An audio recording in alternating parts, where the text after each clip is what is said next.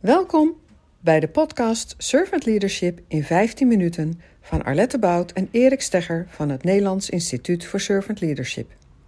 Vanuit het Nederlands Instituut voor Servant Leadership begeleiden wij individuele leidinggevenden, professionals en teams met het integreren van dienend leiderschap in hun werk. Dat doen we door middel van coaching, maar ook door middel van opleidingen zoals de 10-daagse Servant Leadership Practitioner. Een leergang waarbij je zelf aan het werk gaat met alle tiende competenties van dienend leiderschap.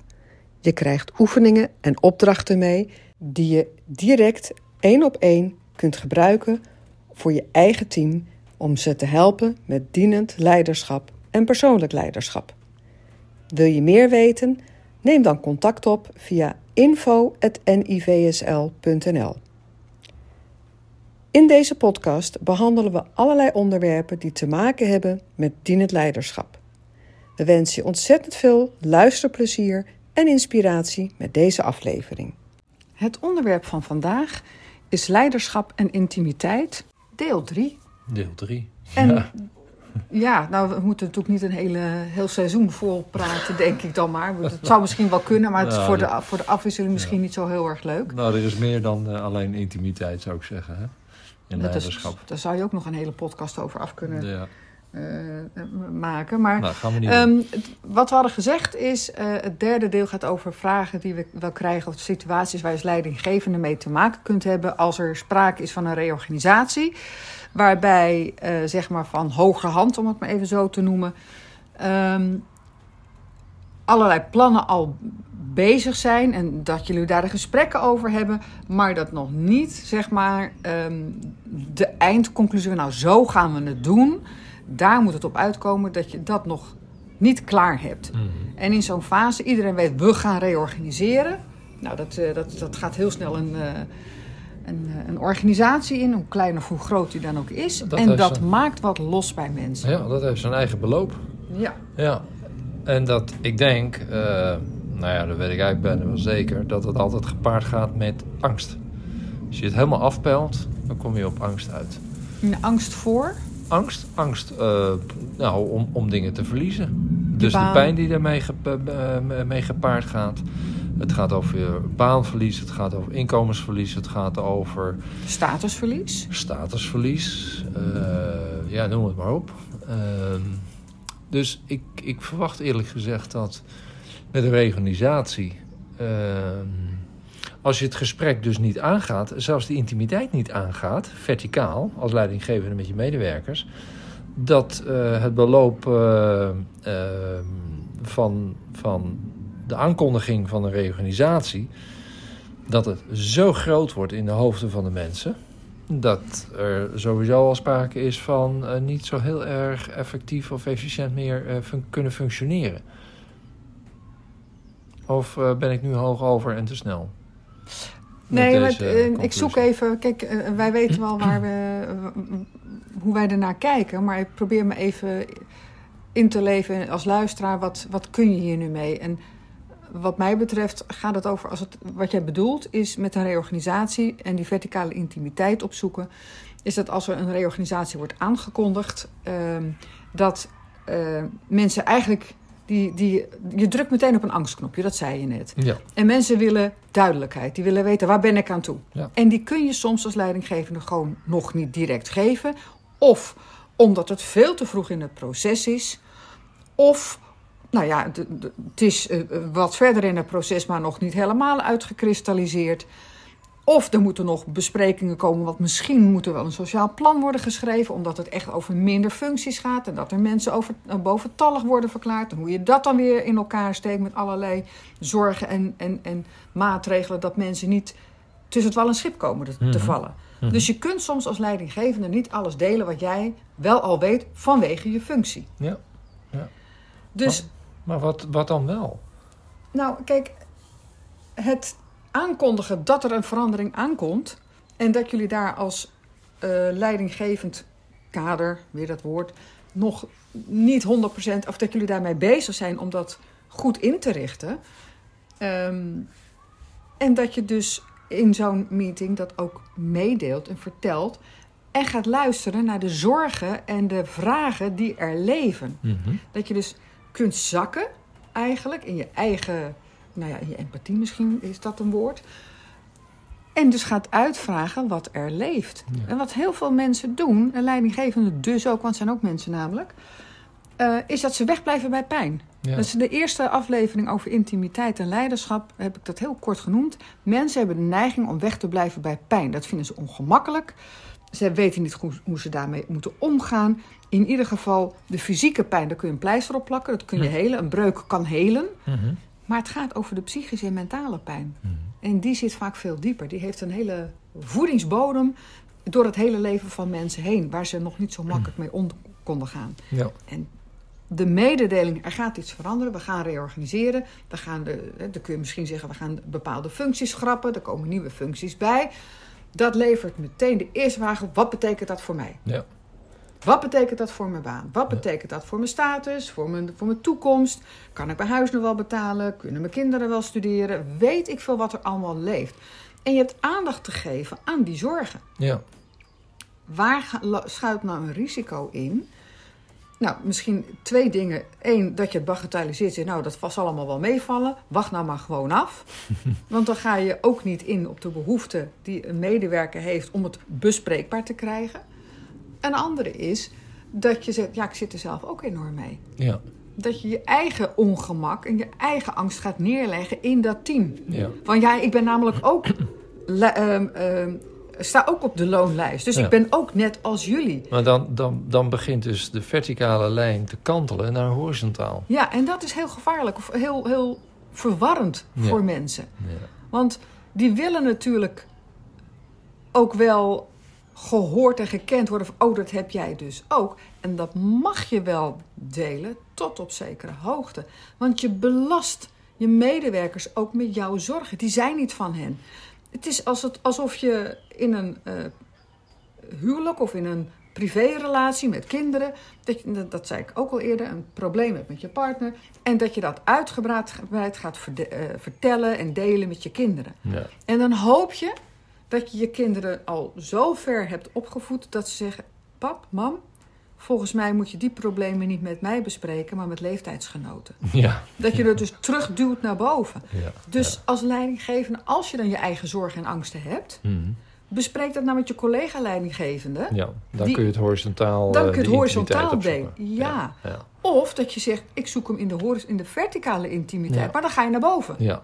Ja. Dan spreek je jouw zorg en angst uit naar jouw leidinggevende, waar jij behoefte aan hebt. Maar nooit naar beneden. Nooit naar beneden. Ja. Hooguit, ik herken het, ik heb er op mijn niveau ook mee te maken. Alleen, ik bespreek dat, en dat is wat je dus met ze kunt delen. Ik bespreek dat met mijn collega-leidinggevende. Ja. Of ik spreek, bespreek dat met mijn eigen leidinggevende. Ja. En wat belangrijk is, is dat op ieder niveau dat er aandacht wordt besteed aan... hé, hey, hier gaat iets schuren. Ja. En dat je dat zo af en toe. Het is net als een soort rouwverwerking. Hè? Dat, is ook, dat is ook niet in één keer klaar. Of in zes gesprekken bent u klaar met de rouw. Zo werkt dat niet. Ieder rouwproces is anders. Ieder, iedereen heeft een eigen tempo en manier van verwerken. En erkennen dat die verwerking zo belangrijk is, daar wat mee doen. Nou, het is wel boeiend hoe je dat zegt.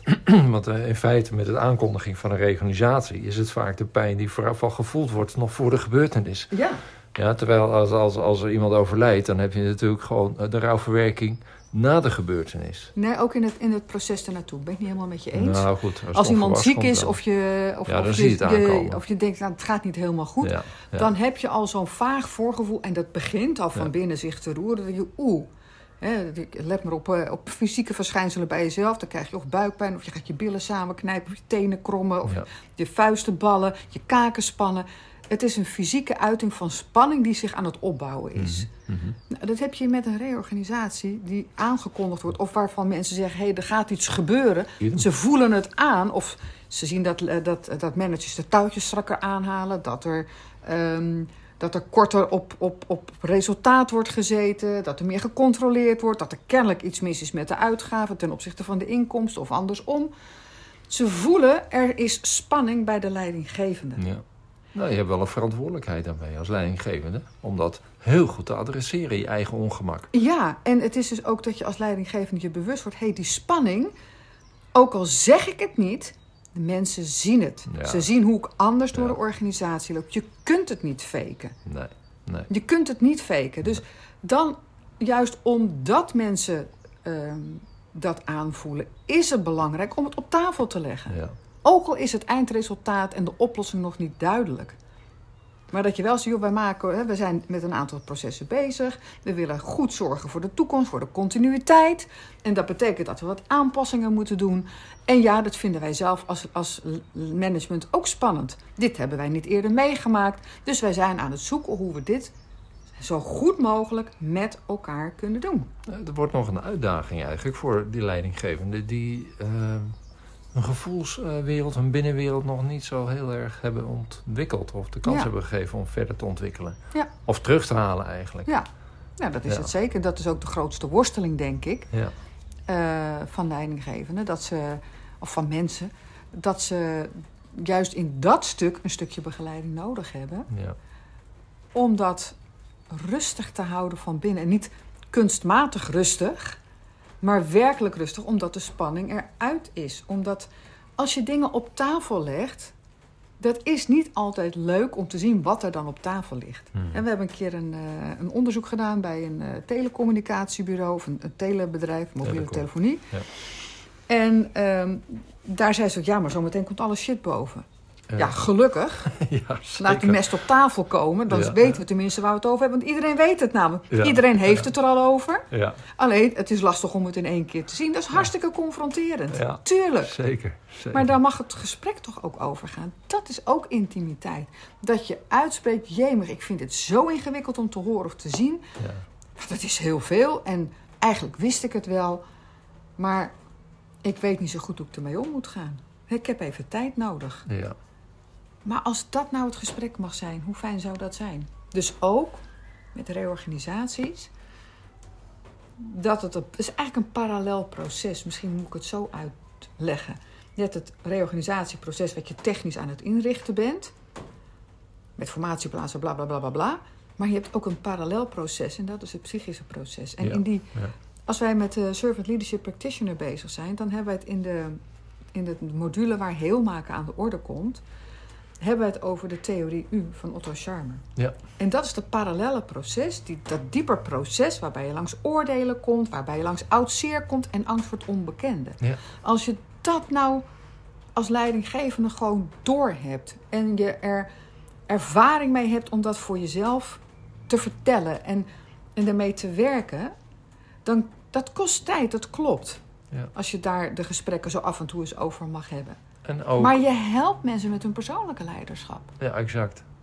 En, en de kans eh, eh, eh, loopt, loopt iedereen natuurlijk dat je met je gedachten teruggaat naar het verleden of naar de toekomst. Terwijl eigenlijk het hier en nu het belangrijkste is. En dat vergeten we gewoon. ja, dat, dat, We lopen ja. zo snel aan voorbij. Ja. Zo, die negativiteit, die, die, het compenserende gedrag wat, wat zich richt op het oude zeer. Maar, maar waar, waarmee je hebt leren dealen met de muren, opgetrokken muren. En eh, je, ja, je gevoels- en binnenswereld een beetje afschermen.